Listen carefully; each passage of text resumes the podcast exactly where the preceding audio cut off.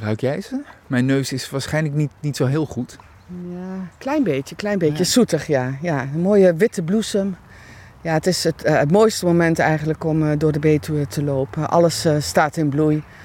En ja, het heeft de vorst overleefd ook blijkbaar, hè? want we hebben wel vorst gehad. Dus Ja. het is goed gegaan. Ja. Flink gesproeid waarschijnlijk. Om, om die knoppen maar bevroren te hebben, waardoor ze dan niet beschadigd raken door de vorst. Klinkt altijd gek, maar er komt zo'n laagje water omheen Ja, dan geloof ja, ik, hè, waardoor klopt, het ja. beschermd Ja, is. dat is de belofte van eh, lekker fruit wat er aan komt te hangen. En hier verderop zit ook de landwinkel waar het eigenlijk gewoon eh, wat zo verkocht kan worden. En zij, zij werken ook mee in deze pelgrimage toch. Dus als we hier vanuit Ressen vertrekken en activiteiten gaan ontwikkelen, dan hoort daar ook een heerlijk eh, ontbijtje of brunch bij met verse producten uit de streek. En als je het hebt over een pelgrimage door de Betuwe, een pelgrimtocht door de Betuwe, dan verwacht je dit hè, dan verwacht je de bloesem ook tegen te komen. Ja, zeker. En het lukt. Het lukt op heel veel plekken, eh, gelukkig, gelukkig. De Betuwe is nog steeds een, eh, ja, absoluut een landbouwgebied. Dus eh, de bloesem gaan we volop zien. Ja. Ja. 150 kilometer, dat, dat leg je niet af in een dag. Nee, zelfs een hele geoefende wandelaar legt dat niet af in een dag. Dus het is een meerdaagse tocht die je op je eigen manier eh, kan invullen. Dus je kunt een dagtocht maken. We hebben beschreven hoe je met bus en trein eh, van de ene plek naar de andere kan komen. En mensen die bijvoorbeeld het Pieterpad gelopen hebben, die weten hoe dat werkt. Je zet aan de ene kant je fiets neer, aan de andere kant de auto en je loopt heen en weer. Maar de echte beleving, dat is eigenlijk de wandelaar, zeg maar. De echte beleving van een pelgrim is toch dat je één of twee dagen, het liefst twee of meer dagen onderweg bent. Want dat is een moment dat je echt tot verstilling komt. Dat je ook echt even weg bent. En dan zou het mooiste zijn als je je telefoon ook thuis laat. Nu hebben we ook een GPS-track erbij, dus je kunt niet verdwalen. Maar er hangen overal bordjes.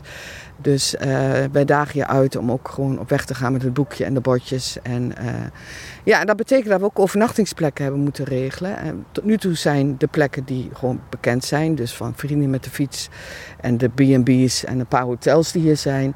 Maar we hopen ook plekken te ontwikkelen. Bijvoorbeeld in Nijmegen, in de, waar we vertrekken, el- één keer in de maand met de vertrekceremonie. Daar is een hele grote tuin en ja, daar willen we een soort nou ja, kleine stadscamping maken, dat mensen daar kunnen overnachten. We staan nu in de boomgaard bij Ressen. Daar wordt ook gezocht naar mogelijkheden om te overnachten. En zo zijn op verschillende plekken, eh, zeg maar, waar we eigenlijk ja, niet commercieel, niet bij campings, maar juist lokaal, ook bij mensen thuis, eh, dat je daar kan overnachten. En eh, dat dan ook de ontmoeting is tussen de mensen lokaal die er wonen, of de plekken die er gewoon zijn, en de pelgrim die komt van ver eh, om hier te gaan wandelen, om hier iets te beleven. Waar verwacht je dat ze allemaal vandaan gaan komen, die pelgrims? Ja, eh, de boekjes liggen door het hele land. eh, en ze liggen er al en ze zijn ook al verkocht. Dat maakte dat ik gisteren vorige week gebeld werd. Ja, mevrouw, ik ben hier en hier en ik zie geen bordje. Ja, dat klopt, want die waren er ook nog Die helemaal niet. nog komen, nee, ja. die moesten nog komen. Eh, dus die komen uit het hele land. Kijk, als je echt dat wandelen, als zich dat in je genesteld heeft, dan ga je elk pad lopen wat, wat zich ontwikkelt. Wandelen om te bezinnen, hoe belangrijk is dat voor jou? Ja, voor mij is het heel, heel eh, voor mij is wandelen heel belangrijk. Ik ben een vierdaagse loper. Eh, dat is echt wandelen. Maar afgelopen jaar ben ik naar Santiago gegaan en daar heb ik ook geleerd hoe eh, heilzaam het is om wandelen, om te bezinnen, om tot rust te komen. En daar heb je meerdere dagen voor nodig. Dat doe je niet in één dag. Je moet losraken van alles. Ja, en dan komt er een moment dat je denkt, ik kan eindeloos doorgaan. En dan helaas op een gegeven moment loopt het ook weer naar het einde. En dan moet je ook weer uit dat ritme komen en weer teruggaan in het eh, normale leven. En dan ben je veranderd. Dan ben je veranderd. Dan heb je iets ontdekt in jezelf, in de natuur. Dan, dus erg belangrijk. En één keer met het virus, dan blijf je. Je blijft lopen, je blijft gaan. Absoluut. Hoe ben jij veranderd dan? Hoe ben ik veranderd? Ja, dat is een goede vraag.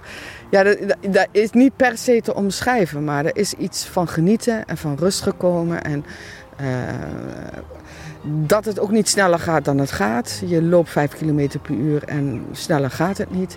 Je hoeft ook niet aan te komen, want ja, wat ga je dan daar weer doen? Dus je bent onderweg.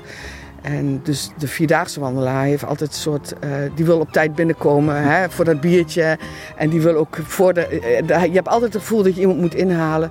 Ja, de pelgrim heeft dat niet. Die loopt gewoon en die hoopt dat het eindeloos duurt en dat het nooit stopt.